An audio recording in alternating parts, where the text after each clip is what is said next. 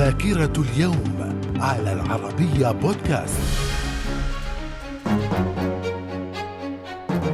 أهلا بكم إلى ذاكرة العشرين من ديسمبر ففي العام 1192 ملك النمسا ليوبولد الخامس يسجن ملك إنجلترا ريتشارد الأول وهو في طريقه إلى موطنه في إنجلترا وذلك بعد توقيعه لمعاهدة مع صلاح الدين الأيوبي لإنهاء الحملة الصليبية الثالثة. في العام 1522 سقوط جزيرة رودس في أيدي العثمانيين بعد حصار دام ستة أشهر. في العام 1803 الفرنسيون يسلمون نيو أورليانز ولويزيانا إلى الولايات المتحدة التي قامت بشرائها. من الذاكرة. ومن ذاكرة العشرين من ديسمبر في العام 1917 تأسيس الاستخبارات السوفيتية كي جي بي. في العام 1982 ياسر عرفات ومعه ما يقارب الأربعة آلاف مقاتل فلسطيني يغادرون مدينة طرابلس وذلك بعد الاجتياح الإسرائيلي للبنان.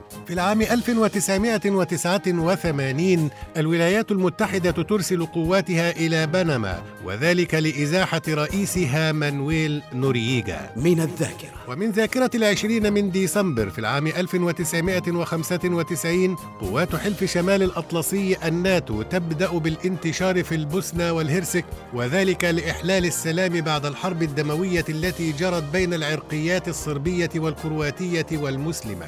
في العام 1999 مقاطعة ماكاو تعود إلى السيادة الصينية وذلك بعد استعمار برتغالي دام 99 عاما.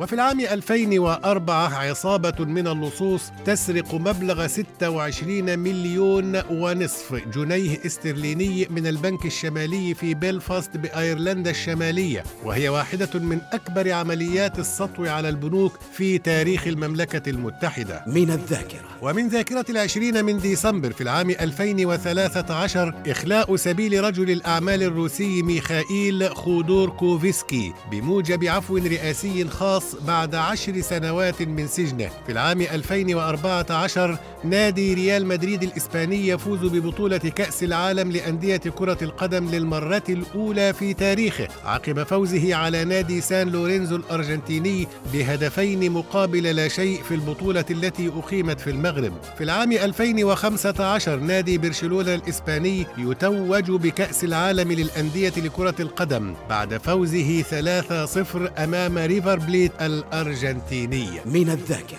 ومن مواليد العشرين من ديسمبر في العام 1927 كيم يونغ سام رئيس كوريا الجنوبية السابع. وفي العام 1929 ولد سليم الحص رئيس وزراء لبنان. من الذاكرة. ومن وفيات العشرين من ديسمبر في العام 1968 جون شتاينبيك كاتب وروائي أمريكي حاصل على جائزة نوبل في الأدب عام 1962 وفي العام 1994 توفي دين راسك السياسي الأمريكي. من الذاكرة. ومن مناسبات العشرين من ديسمبر اليوم الدولي للتضامن الإنساني واليوم الوطني في ماكاو من الذاكرة. إلى اللقاء.